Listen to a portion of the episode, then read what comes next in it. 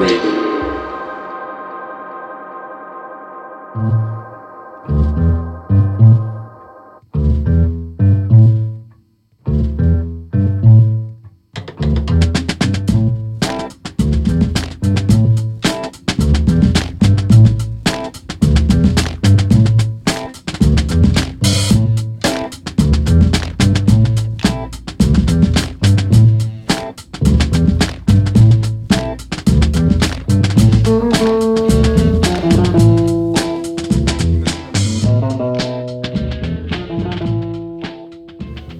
Tere, tere, head kuulajad, tere, halvad kuulajad, alanud on saade Ära kaaguta ja stuudios on taas Viisik, see tähendab feministeeriumi toimetajad Aet Kuusik ja Kadi Viik.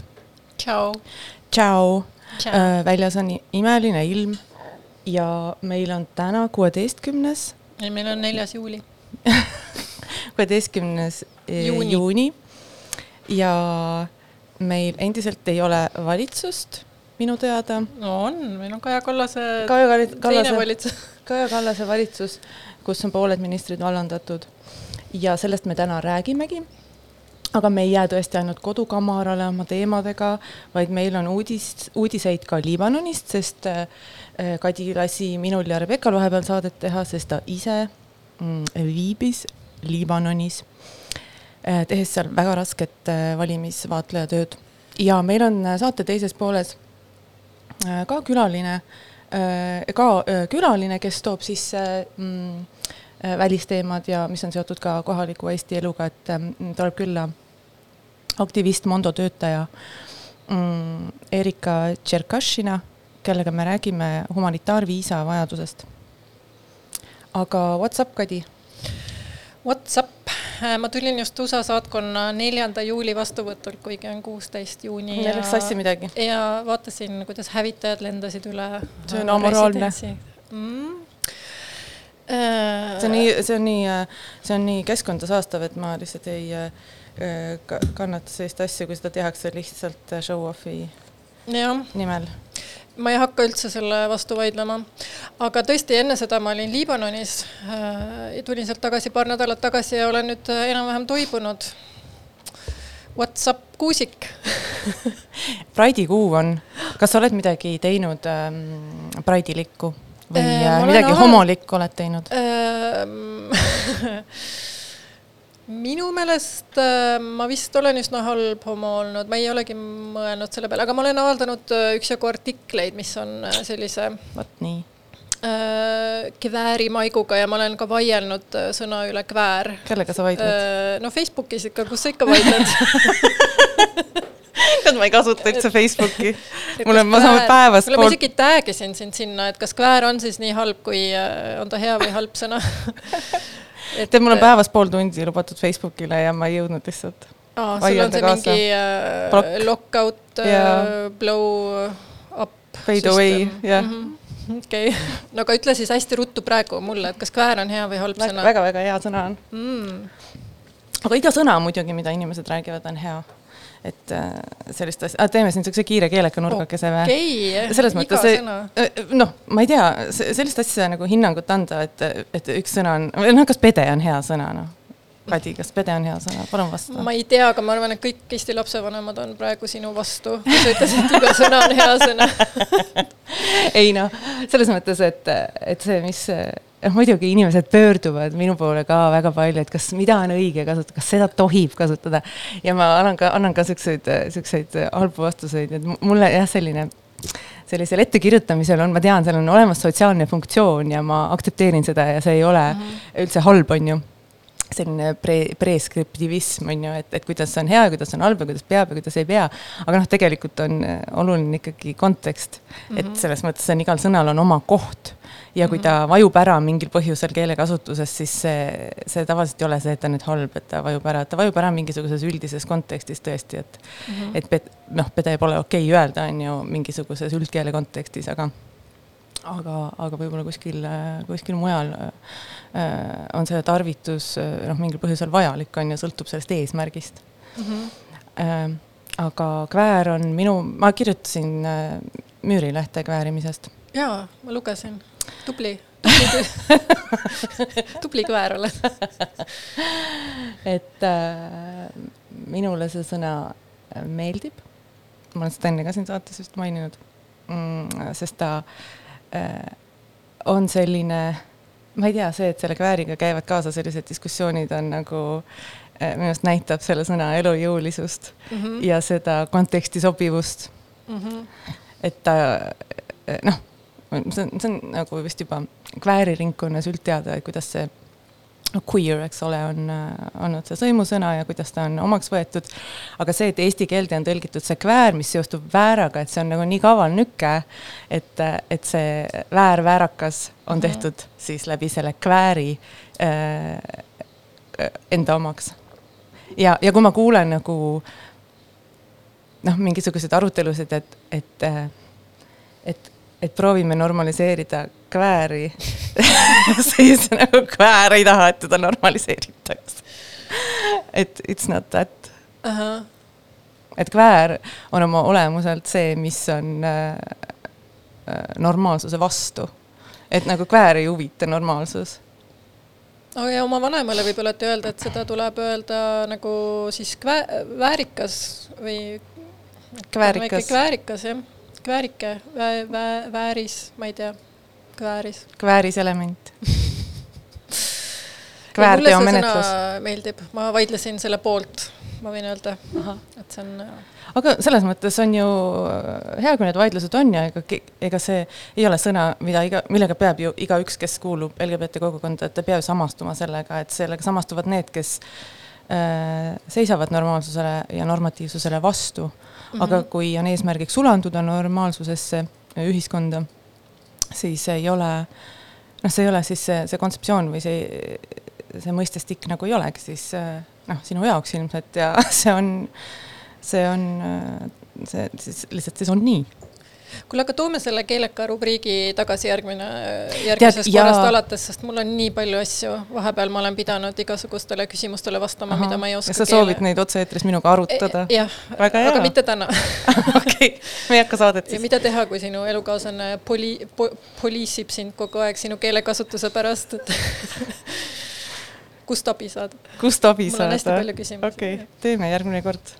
järgmine kord juhtub, äh, see juhtub augustis ja Just. räägime juba selle räägime korrali-, ära, need korralised ähm, teadaanded ära, et ja, et esimesest juulist me tõmbame juhtme välja, mitte midagi ei tee mm. -hmm. puhkame või jah, ma kindlasti teen mingeid muid asju, ma arvan küll, siukseid, mida saab äh, kuidagi kategoriseerida tööks, aga feministeeriumi asju ei tee, sest meil on hästi range kord, et meil on väga-väga range siin see puhkuse ettekirjutus.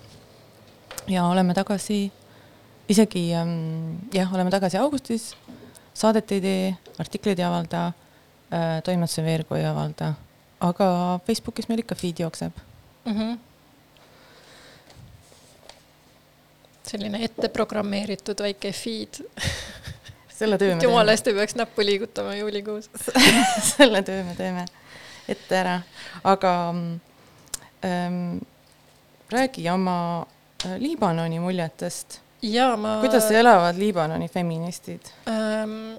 kuule, Liibanoni feminism on äh, täitsa elus ja, ja terve ja selline põnev, aga kuna mu põhifookus oli valimistel, siis mul oli võib-olla noh, piiratud aeg feministidega seal nagu hängida, et äh, aga ma natuke tahtsin muljetada küll, sest et äh, Liibanon on, ta on lihtsalt nii põnev, ta on hästi pisikene Lähis-Ida riik ta on äh, pindalalt neli korda väiksem kui Eesti, aga seal elab kuskil äh, ütleme, hinnanguliselt seitse miljonit, kuus-seitse miljonit inimest. Ja ma ütlen hinnanguliselt sellepärast, et äh, Liibanonis toimus viimane rahvaloendus üheksakümmend aastat tagasi, seal on selline, ta on nagu hästi multireligioosne riik ja kuna suur osa poliitilisest ja administratiivsest süsteemist äh, on üles ehitatud sellele religioonide nagu koos eksisteerimisele, siis seal kardetakse seda rahvaloenduse teemat natukene, et mis, milline see tegelik pilt nagu võiks olla. Ehm, ja oletada, kuskil hinnanguliselt jälle kümme miljonit liibanonlast elab väljapool Liibanoni, ta on hästi suure diasporaaga äh, riik tal on ka hästi palju pagulasi, noh, nüüd on äh, viimastel aastatel on Süüriast tulnud, enne seda, ma ei tea, Palestiinast. Äh, ka pagulaste registreerimine ametlik on lõpetatud igaks juhuks, et äh, ei teaks täpset arvu. Nii et see selline rahva nagu kompositsiooni ja, ja arvu teema on seal hästi tundlik poliitiliselt. Mm.. ja kui ma ütlesin, ta on usuliselt mitmekesine, siis ta niimoodi väga laias laastus umbkaudu jaguneb pooleks moslemite kristlaste vahel. Äh, võib-olla moslemeid on tänaseks ikkagi rohkem kui kristlasi. Äh, aga nemad siis omakorda jagunevad äh, kitsamateks usulahkudeks, et äh, moslemid on põhiliselt on sunniidid, šiiad ähm,, alaviidid on esindatud ja kristlaste poolt on maroniidid, äh, kes on katoliiklased, aga on ka Kreeka ortodoks, on armeenlasi, apostlikke, katoliiklikke ja siis on veel truusid, see on selline etnoreligioosne grupp, keda ma ei oska väga hästi paigutada, aga nad on juurtega islamiusus, aga nad ei pea ennast moslemiteks. et selline, nad on äh, suhteliselt esoteerilised ja väga nagu hoiavad seda oma mm, kuidas öelda, rahvusreligiooni nagu äh, siis eraldatud teistest religioonidest, nad ei segune siis nii-öelda.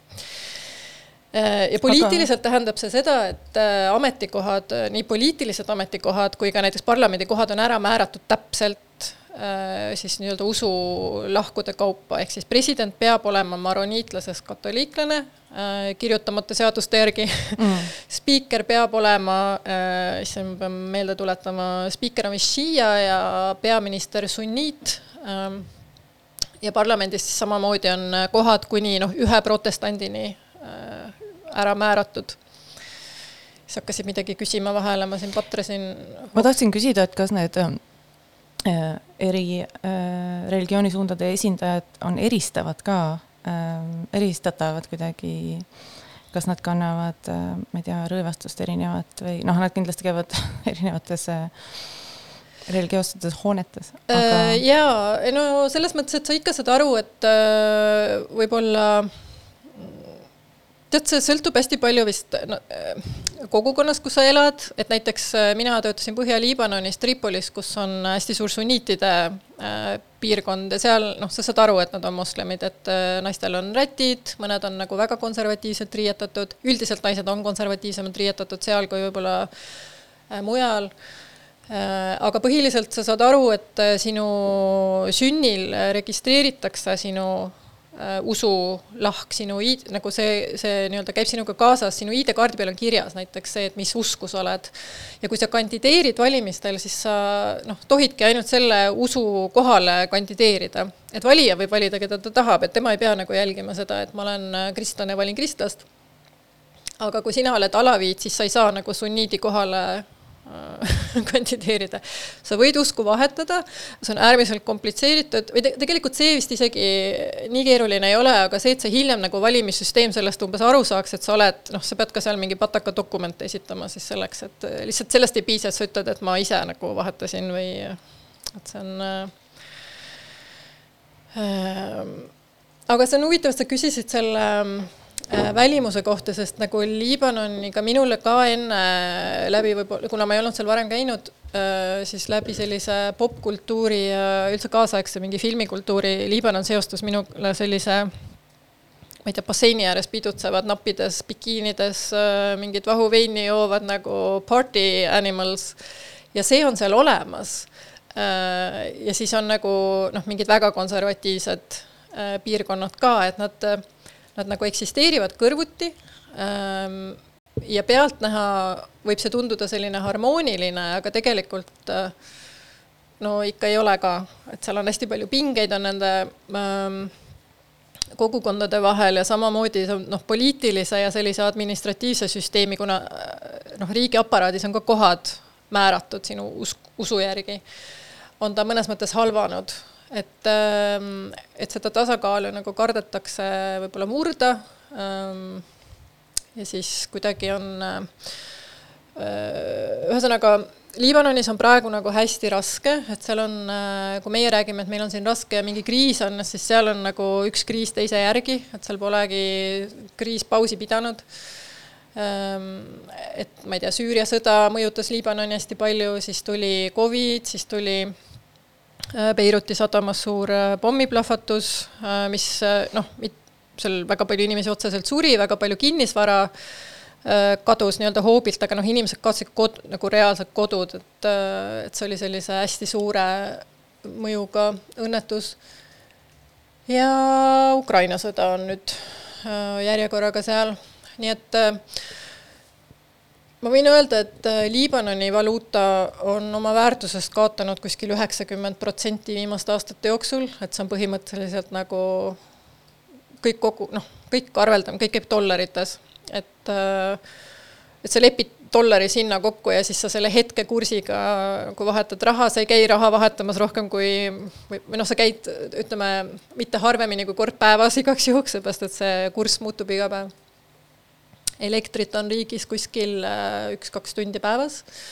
Äh, muidugi need, kes on jõukad, saavad endale oma generaatorit soetada ja kütust soetada, aga need, kes ei ole jõukad, need päriselt elavadki selle ühetunnise genera-, äh, riigi elektri peal. ja kui mina seal olin, oli üldse tund või pff, nädal aega oli elekter tervest riigist kadunud, sellepärast et et mingisugune naftatanker ei saanud sadamas dokkida ja siis kütusevarud said otsa väga halvas korras on ka tervishoid, äh, koolid, haridus, et selliseid nagu äh, no investeeringutest me ei räägi, et põhimõtteliselt ikkagi inimesed näevad vaeva sellega, et igapäevaselt hakkama saada, et kuskil kolmveerand rahvastikust elab vaesuses. ja seal Põhja-Triip-, nagu Tripolis, Põhja-Liibanonis siis kuskil kaheksakümmend protsenti ähm, näevad vaeva sellega, et neil üldse toit oleks laua peal et äh, noh, seda tüüpi vaesusest räägime. nii et see olukord seal oli hästi selline äh, pingeline ja samas seal pildis on endiselt, ongi nagu luksusjahid, ongi need pidutsevad liibanlased, et seal on mingid ülirikkad inimesed on pärit Liibanonist ja sama Tripoli on nagu üks, mitte üks, vaid ta ongi Vahemere kõige vaesem linn, suurlinn, aga sealt on pärit ka nagu kõige-kõige jõukamad inimesed terve Vahemere äärses piirkonnas, et me räägime mingi dollari miljardäridest, et nagu seda tüüpi äh, jõukust on seal. Ehm, ja see on nagu paneb poliitika ka sellisesse huvitavasse konteksti, et ja see ei ole kusjuures ainult selle kriisiga seotud, et see on natuke sügavamate juurtega, et poliitikul Liibanonis on siis kaks funktsiooni, et üks on see, ütleme, õigusloome ja mingi seaduste loomine, aga teine on siis äh, teenuste osutamine, ehk siis nad osutavad teenuseid oma kogukonnale. See tähendab seda, Kuusik, et kui sul, ma ei tea, hammas on katki, sa lähed oma poliitiku juurde, kes võib-olla maksab kinni Äh, hambaraviarve oh,. huvitav süsteem mm. -hmm. ja kui teil endal ei ole raha, siis ta helistab oma noh, sugulasele või, või tuttavale või sõbrale, kes on arst ja kes siis näiteks ravib sinu äh, haigust või annab sulle ravimeid ähm,. aga kuule, see on ju väga hea, see rakendus sellele majoneesirahale äh,. Jaa. ehk siis nendele äh, kulutustele, kohtumistele valijaga, selle esinduskuludele kusjuures nagu ma noh, me, meie see valimisvaatleja töö on see, kohtud poliitikuteks intervjueerid neid ja me intervjueerisime neid hästi palju ja nad väga avameelselt räägivad sellest ja, ja et mina osutan selliseid teenuseid, ei, ei, ma ei, ma ei kasut-, ma ei nagu, ma ei kuluta palju raha, ma kulu-, kulutan natukene raha, nagu I spend little money nagu selliste asjade peale. Äh, või et äh, jah, et see ei ole mingi selline Äh, häbiväärne asi, vaid et see ongi nagu osa sellest poliitiku rollist, mis muidugi noh, toidab seda süsteemi selles mõttes, et sa hoiadki oma valijaid kuidagi lõa otsas, et nad noh, sa ei annagi neile võib-olla seda jõusta neid, et nad ise nagu oma jalgadel seisaksid, vaid nad tulevadki sinu juurde küsima asju kogu aeg ja siis sa saad nende hääli vastu. Ja kui sa oled võimu juures, siis sa saad juba teha sobivaid seaduseid, et et selline hästi ma mõtlesin, millal ma olen viimati nagu nii teravalt kapitalistlikku ühiskonda näinud, kus on, on see nagu see kommerts, äri ja siis samas see almuste nagu andmine või küsimine on nagu noh, et kogu ühiskond nagu baseerubki sellele, et mm, ei tule meelde. Ja ma ei ole ausalt öeldes ma, ma mõtlen, ma olen nagu ikkagi päris erinevates riikides käinud, aga sellist vaesust, nagu ma seal nägin, mul, mul ei tule meelde praegu hoobiga. nii et need on minu muljed, aga võib-olla veel naiste kohta, et äh, ja ka või ütleme, alustame siis naistest, et, et mina tajusin ka seda ühis-, noh, et kuna seal on hästi suur kristlaste kogukond, siis ta võib niimoodi jälle pealiskaudselt tunduda väga liberaalne, sest et nagu visuaalselt ma ei tea, noh, see on niisugune läänemerelik või vabandust, vahemerelik pigem kui, kui noh, võib-olla ütleme siis mingi selline Araabia poolsaare touch nagu, et sa mõtled pigem nagu võib-olla Kreeka, Küpros kui ma ei tea, Saudi Araabia. Aga, aga et see Äh, kuidagi see nagu soorollid ja lähenemine naistele on väga seksistlik minu, minu hinnangul ja selline väga stereotüpiseeriv ja näiteks samasoolised mingid seksuaalsuhted, nad on nagu täiesti tabu, et kui ma seal mingit sellist äh, Äh, ka noh, poliitikute suunas nagu vaenukõne ja kiusamist ja seda täheldasin, siis väga-väga suur osa sellest oli seotud homofoobiaga või sellised nagu tajutud noh, et sa oled nagu ikkagi veits gei või ja muidugi naisi on poliitikas seal ülivähe mm. -hmm. Aga näiteks Süüria mõju, sõjal on olnud huvitav kõrvalmõju noortele naistele Põhja-Liibanonis, sest et kui äh, äh, tuli nagu noh, sõda puhkes ja põgenikelained hakkasid tulema, siis ka hästi paljud äh, vabaühendused ja mingid rahvusvahelised organisatsioonid aktiviseerusid. nii et kui varem traditsiooniliselt sellised haritud naised said ennast teostada õpetajatena, et see oli niisugune põhi võib-olla amet, mida naised pidasid äh,, siis näiteks äh, selle sõja tagajärjel hästi paljud neist suundusid kolmandasse sektorisse ja said nagu päris huvitava Äh, töökogemuse ja mingisuguse uue kogemuste pagasi, et sealt on noh, mingid uued nii-öelda juhid peale kasvamas.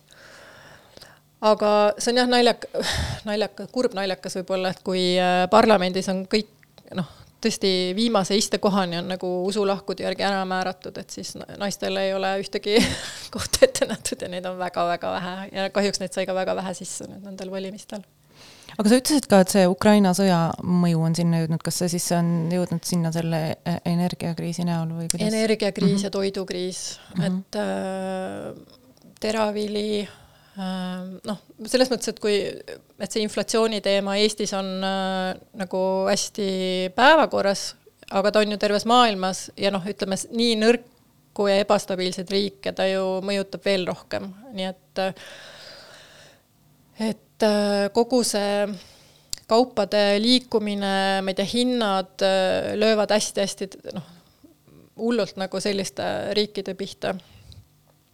Ja, ja ma lihtsalt toon näite, et kui ma sinna läksin äh, aprilli alguses, siis see Liibanoni liira oli vist kakskümmend viis tuhat liirat ühe dollari eest ja kui ma lahkusin, oli ta kuskil kolmkümmend seitse tuhat, et noh, niimoodi, et sellisest inflatsioonist äh, võib siis nagu äh, Liibanoni puhul rääkida, et et ütleme niimoodi, et sealt vaadates Eesti poole, siis tundus Eesti ikkagi selline ülihästi toimiv äh, noh, riik selles mõttes, et avalikud teenused toimivad, nad on ettearvatavad, äh, sa saad kindel olla, et äh, sul tuleb vool elektrist, sa maksad palju, aga see tuleb sealt vähemalt, et sa ei pea nagu kogu aeg taskulamp kaasas käima.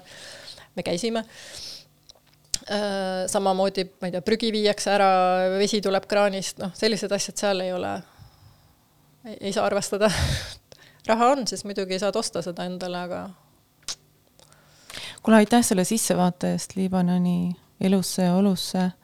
et äh, minule seostub Liibanon ähm, õudselt hea söögiga mm,.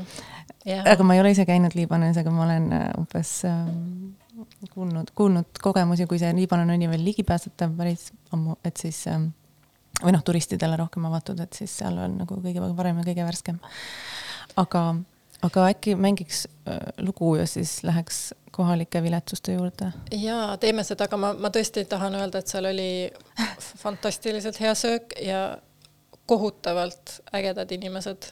Ähm, ja see ongi nii kurb, et äh, kõikide nende inimestega, keda ma seal kohtasin ja neid oli palju, siis ma kohtasin ühte, kes ütles, et ta tahab Liibanoni jääda ja kõik teised tahavad lahkuda, sest nad lihtsalt ei näe seda tulevikku seal. aga nende selline lahkus ja ähm, mm, ma ei tea, nad lihtsalt väga hästi kuidagi sobisime omavahel, et mulle hästi-hästi sümpaatne piirkond, et ma väga soovitan ja see on, ta on täiesti turvaline nagu külastada, sa ei pea võib-olla sinna äh, noh, Tripolisse ei maksa minna võib-olla ma mõtlen turvalisuse kaalutlustel, aga muidu on ju Liibanon täiesti äh, avatud reisimiseks, nii et. aga mängime siis lugu ja ma valisin Diva Savitsi Koroba, ta on, ta on äh, UK Nigeeria laulja ja see on lihtsalt selline muusika, mida ma kuulan hästi palju.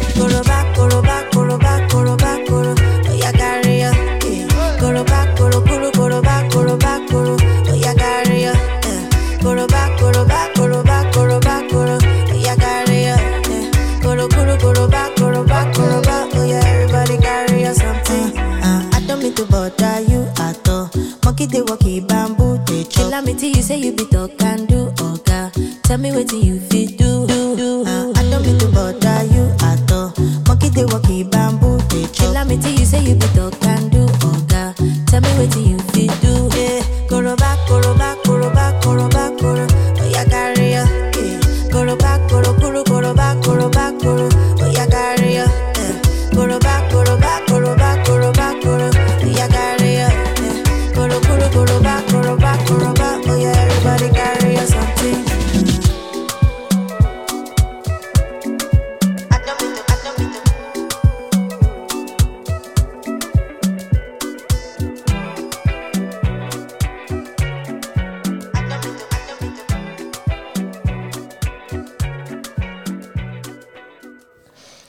tere tulemast tagasi Ära kaaguta saatesse, saates on endiselt Viisik ehk feministeeriumi toimetajad Aet Kuusik ja Kadi Viik. tuleme Liibanonist äh, tagasi Eestisse. Eestis on äh, olukord ka üsna huvitav, pinev. valimisteni on aega veel natuke, palju on, ma ei tea, üle poole aasta mm. -hmm. aga meil on huvitav olukord, kus koalitsioonist on vallandatud pooled ministrid ja moodustatakse uut äh, valitsust, on äh, läbirääkimiste laua taga, taha on siis Reformierakond kutsunud sotsiaaldemokraadid ja Isamaa, ja sellest on täiesti kindlasti rääkinud kõik meespoliitika saated viimastel aegadel, aga mis on sinu seisukoht? Äh, tead, ma olen, ma ei ole üldse rõõmus selle üle, mis toimub. see on tegelikult nagu häbiväärne lausa. ma mõtlen, et me oleme, me oleme väga suures äh, julgeolekukriisis äh, maailmas laiemalt, aga minu meelest siin Eestis ja nagu lähi, Venemaa lähinaabruses nagu noh, otseselt spetsiifiliselt ja ma olen tegelikult hästi vihane äh, poliitikute peale, kes ei suut-, suuda või suutnud nagu üle olla äh, ja kuidagi ennast kokku võtta, et järgmiste valimisteni äh, välja teha, et nende mingisugused väiklased isiklikud äh, huvid või antipaatiad, sümpaatiad nagu said äh, ruulida, sest mina, ma pean muidugi selle valitsuskriisi põhi esile kut-, es-, esilekutsujaks ikkagi Keskerakonda kes juba pikka aega veiderdas, et see nii-öelda see nende selline, ma ei tea, valitsustöö nagu torpedeerimine hakkas ju peale mitu kuud tagasi, kui noh, tüüpiliselt käis see umbes niimoodi, et valitsuses võeti mingi otsus vastu, sest vali-, valitsuses istusid jumalast normaalsed ministrid äh, Keskerakonna tiimis. ja siis, kui asi jõudis parlamenti siis nagu sekkusid või tulid areenile Jüri Ratas ja Jaanus Karilaid ja võib-olla keegi veel, keda ma ei tea äh, kes siis ei olnud rahul sellega ja siis hakkas selline nagu meedia vahendusel või otseselt nagu sellesama valitsuse otsuse kritiseerimine. nii et äh, Keskerakond suutis kuidagi nagu olla kri-, noh, ise olla valitsuses, olla opositsioonis, kritiseerida nagu kogu aeg Reformierakonda, ise neid otsuseid heaks kiites ja minu, selles mõttes, et ma tõesti, ma saan aru nagu, et see lõpuks üle viskas, aga ma ei tea, ole, ma, jah, ma olen kuidagi vihane nii Keskerakonna peale, kes ei suutnud üle, ma olen tegelikult ka päris nagu vihane teiste erakondade peale, kes selle peretoetuste eelnõuga kaasa läksid, mis siis selle akuutse kriisi nii-öelda vallandas, sest et nad ju pidid teadma, mida see kaasa toob, see ei ole võimalik, et et need erakonnad, kes sellele alla kirjutasid, ei teadnud, et see ongi loodud selleks, et noh, valitsus õhku lendaks suure pauguga nii et ma näen, noh, nii praegu koalitsiooni laua taga on siis Isamaa ja sotsid, et nad äh, olid osalised selles ja loomulikult EKRE plaksutab äh, kaasa äh,, noh, mis ei üllata. aga et äh,, et mõtlen ka eriti noh, Isamaa juhtide poolt on võib-olla olnud seda juttu kuulda, et me nüüd äh, umbes äh, meid on pandud siia, ma ei tea, raskesse olukorda ja oh, tuleme nüüd siis äh, hambad ristis Eestit päästma, et Kaja Kallas on nii halb ja saamatu olnud ja samamoodi ma ei tea, äh, teine, teine koalitsiooni see pakkumine nagu ei sobi, aga et me nüüd oleme siin riigimehelikud, no te ei ole ka, et te olete osa sellest mängust, mis selle asja tekitas. ja kui see nüüd kõrvale jätta, siis ma olen väga mures, mida see tähendab, et Isamaa mm. valitsusse tagasi tuleb aga see on ikkagi parem variant kui EKRE ikka. tead, ma just rääkisin ühe poliitikuga seal, ma jätan ta nime ütlemata, aga äh, seal äh, USA saatkonna vastuvõtul, kes ütles, et vahe võib-olla EKRE ja Isamaa vahel on see, et EKRE puhul sa, sa näed täpselt seda, mida sa saad, see on nagu face value nagu, et äh, kui nad midagi ütlevad või noh, teevad ja nad ei ole alati ka väga, nad valitsuses olles ei olnud ju väga tegelikult ähm,, nad ei saavutanud ju väga palju. et, et neil on nagu kaardid laual, aga Isamaa puhul seda ei ole seda ähm,. ja Isamaa saavutab seda, mida ta tahab ja need asjad ei ole nagu Eesti jaoks head. näiteks seesama inflatsiooni kontekst praegu, kus äh, Isamaa surus läbi oma teise äh, pensionisamba mm -hmm. reformi, mis paiskas nagu tohutult raha väiksesse Eestisse turule küttis nagu tagant kõike seda, mida noh, muu maailm on kaasa toonud äh, seoses selle sõja ja kütusehindade ja whatnotiga. et, äh, et nad, neil on mingisugused nagu imelikud asjad, mis minu meelest ei vaata nagu seda suuremat pilti, et võib-olla mis äh, inimestele nagu päriselt hea on, kas on päriselt hea, et nad ikkagi säästavad oma pensioniks raha või praegu see lastetoetuse asi on ka, ma väga selles mõttes soovitan äh, lugeda tänast EPL-i, kus Kärt Anvelt kirjutas ülihea artikli minu meelest muudest nagu sotsiaalvaldkonna kuludest, mis ühesõnaga Äh, probleemidest, mis sotsiaalvaldkonnas vajavad lahendamist, et näiteks pikaajaline hooldus, et see on inimesi, kes hooldavad oma pereliikmeid, kaheksakümmend protsenti nendest on naised, kes saavad selle eest üheksateist kuni üheksakümmend üheksa eurot kuus, on siis see tasu, sest see tasu sõltub kohalikust omavalitsusest mm. -hmm. Ja samamoodi on äh, siis eakad, näiteks dementsed, keda noh, ei suudeta enam kodus võib-olla hooldada Äh, hooldekodusse neid panna ei saa, sellepärast et hooldekodu on liiga kallis versus siis selle vanainimese pension näiteks, äh, või kui saad, et siis sa pead nagu väga palju juurde maksma.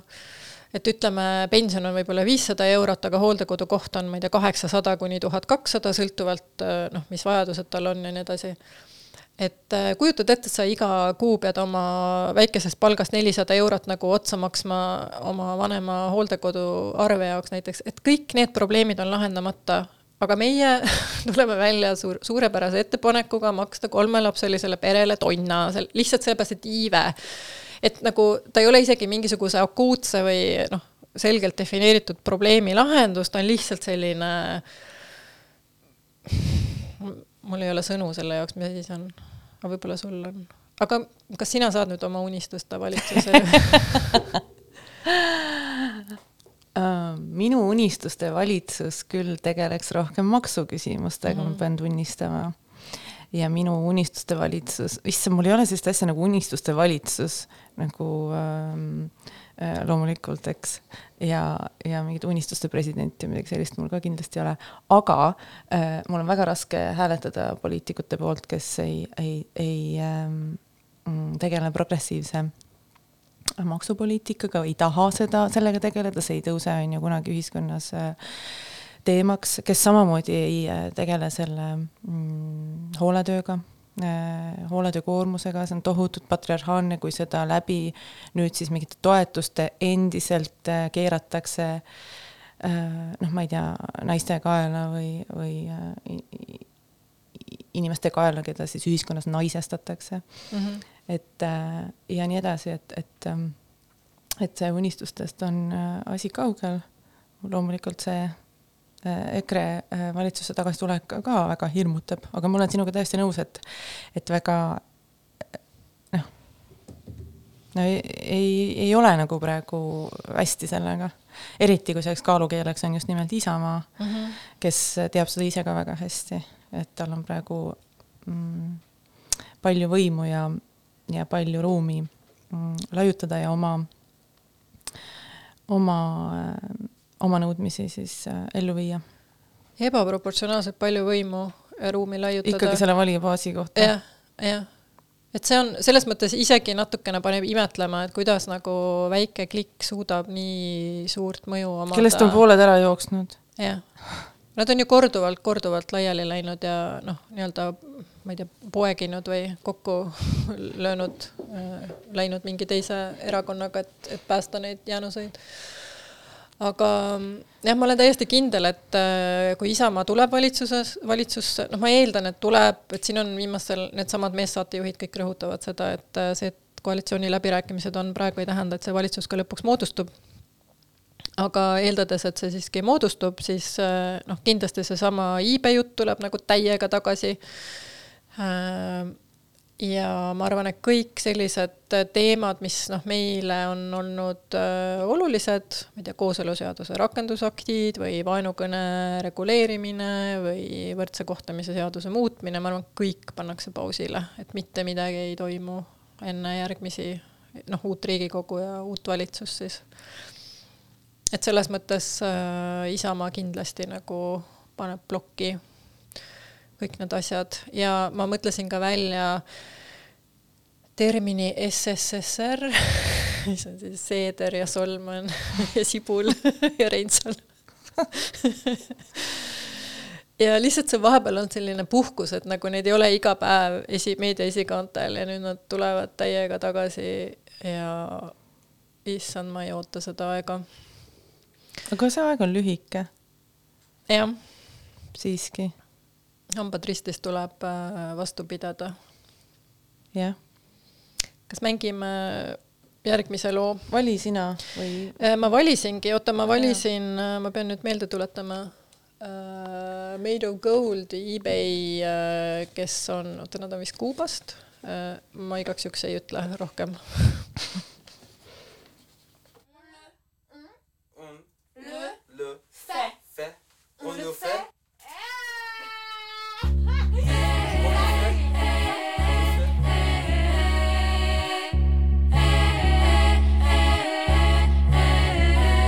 Me show them heroes, uh, feel it. We are the younger, the hunger. Me show the heroes, uh, feel it. Alright, one more time. Me show them heroes, uh, feel it. We are the anger and the hunger. Me show them mirror, feel it. We are the anger and the hunger.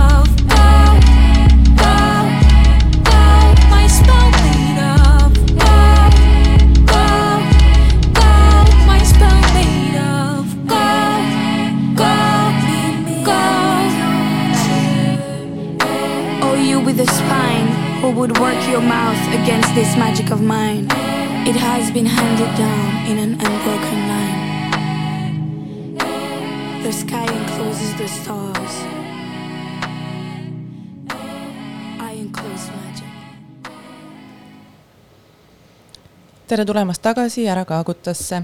meile on Ida Raadio stuudiosse jõudnud külaline Erika Tšerkašina. Erika on aktivist, ta on Mondo töötaja, ta on Rhythms of Resistance liige ja äh, Erika on äh, käinud ka mitmetel Filmiministeeriumi üritustel.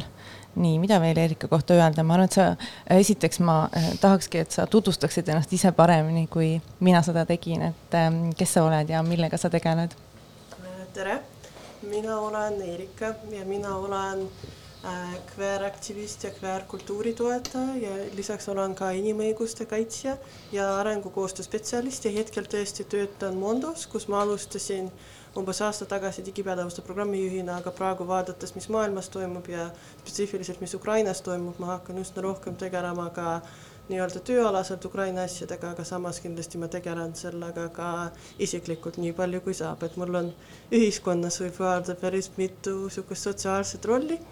aga veel üks selline elu aspekt, mida ma võiksin enda kohta mainida, on see, et ma olen nii-öelda idapartnerluste piirkonna riikide väga suur fänn ja entusiast ja olen ise elanud Gruusias, Ukrainas, Tadžikistanis ja üritan käia sealkandis nii palju kui võimalik ja kuidagi seda kultuuri edendada ja näiteks rääkides Kesk-Aasiast, Eestis üldse inimesed ei tea sellest väga palju.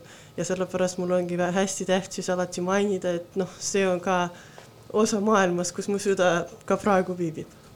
Aga sinu me kutsusime siia saatesse külla mm, peamiselt sellepärast, et et paar nädalat tagasi oli Es- Eesti Ekspressis äh, hästi hea lugu sinu, intervjuu tehtud sinu ja Juri Jorskiga ja te rääkisite Eestist varjupaika otsivate, otsivatest aktivistidest ja LGBT inimestest ja see, selle loo mm, põhisentiment jõudis sinna, et Eestis oleks vaja äh, nagu paljudes Euroopa Liidi, mitte paljudes, aga mõnes äh, Euroopa Liidu riigis äh, rakendada humanitaarviisat mm. -hmm. aga ma ise selle kohta äh, midagi eriti ei tea ja samas tuli ka äh, uudis, et, äh, et valitsus võimaldab ähm, humanitaarkaalutlustel riiki lubatud Venemaa ja Valgevene kodanikele väljastada siis tööviisad või ettevõtluseks viisad.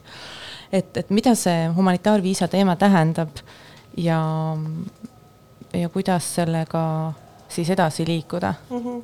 no ma alustan võib-olla laiemalt, et see äh, täis, see suur Ukraina sõda, mis tegelikult Ukraina sõda algas aastal kaks tuhat neliteist, aga see sõda, mis nüüd praegu juhtus, see suurem, äh, see näitas meile tegelikult, kuivõrd valiv Eesti ja ka Euroopa Liit on üldiselt pagulaste vastu. Äh, ja minul ja minu sõpradel ja kolleegidel on kindlasti ülihea meel, et meie Eesti riigina oleme nii sõbralikud Ukraina põgenike vastu, aga samas on alati hästi kurb mõelda selle peale, et kuivõrd ebasõbralikud me tegelikult oleme olnud kõik need aastad näiteks Lähis-Ida inimeste vastu, kasvõi Süüria, Iraaki või noh, kes iganes ei mahu võib-olla meie valitsuse arust meie kultuuriruumi. Äh, et selles osas ka humanitaarviisa, mis äh, Aet just mainis äh, ja see, et Vene ja Valgevene kodanikud on nüüd võimelised taotleda humanitaarviisat, see on selline väike positiivne uudis, aga ausalt ma absoluutselt ei näe, miks see peaks olema piiratud mingi konkreetse rahvust mm, -hmm. rahvusest inimestele.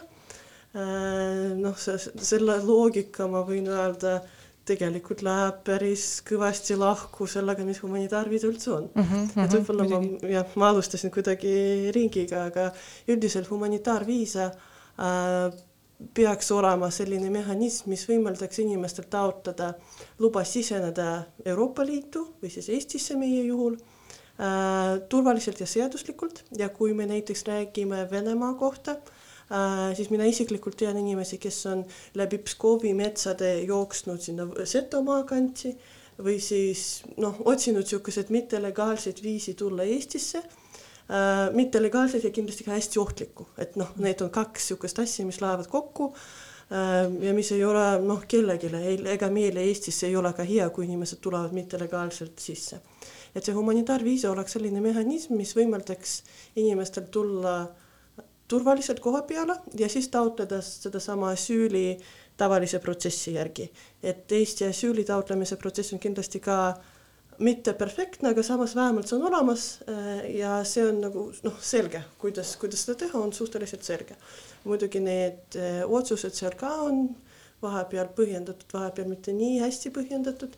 Äh, aga lugu on selline, et need inimesed, kellel ei ole kasvõi materiaalset võimalust teeskelda, et nad tulevad Eestisse näiteks turistidena, siis nad peavadki kasvõi jooksma läbi metsa, mis on näiteks Venemaa puhul võimalik, Usbekistani puhul see ei ole võimalik, see on lihtsalt noh, liiga, liiga kaugel sa, et noh, ei, ei saa nii palju jala kõndida ähm,. jah äh,, ja üldiselt, kui me nüüd räägime Euroopa Liidust ja nendest headest praktikatest, mis seal on äh,, umbes pooltes Euroopa riikides on see humanitaarviisa taotlemise võimalus Äh, aga samas see ei ole absoluutselt unifitseeritud, et see on selline mitmekesine ja siin kontekstis ma kasutan sõna mitmekesine võib-olla mitte väga positiivselt. Äh, selles suhtes, et iga riik teeb seda, mis äh, ise peab mõistlikuks ja vajalikuks. aga muidugi te tegelikult see protsess peaks olema unifitseeritud ja hästi läbipaistev, et inimestel oleks väga selge, mis dokumente nad peavad sinna saatma, kuidas neid üle vaadatakse Äh, ja ka tulemus on põhjendatud ja inimesed saavad äh, aru, miks oli tehtud selline või selline otsus. Äh, ja lisaks see kindlasti võiks olla ka näiteks saadaval online, sest et me kõik teame, et paljudes riikides väljaspool Euroopa Liitu no lihtsalt ei ole Eesti saatkonda ja võib-olla seda ei olegi vaja. aga samas peaks olema võimalus neid viisat taotleda.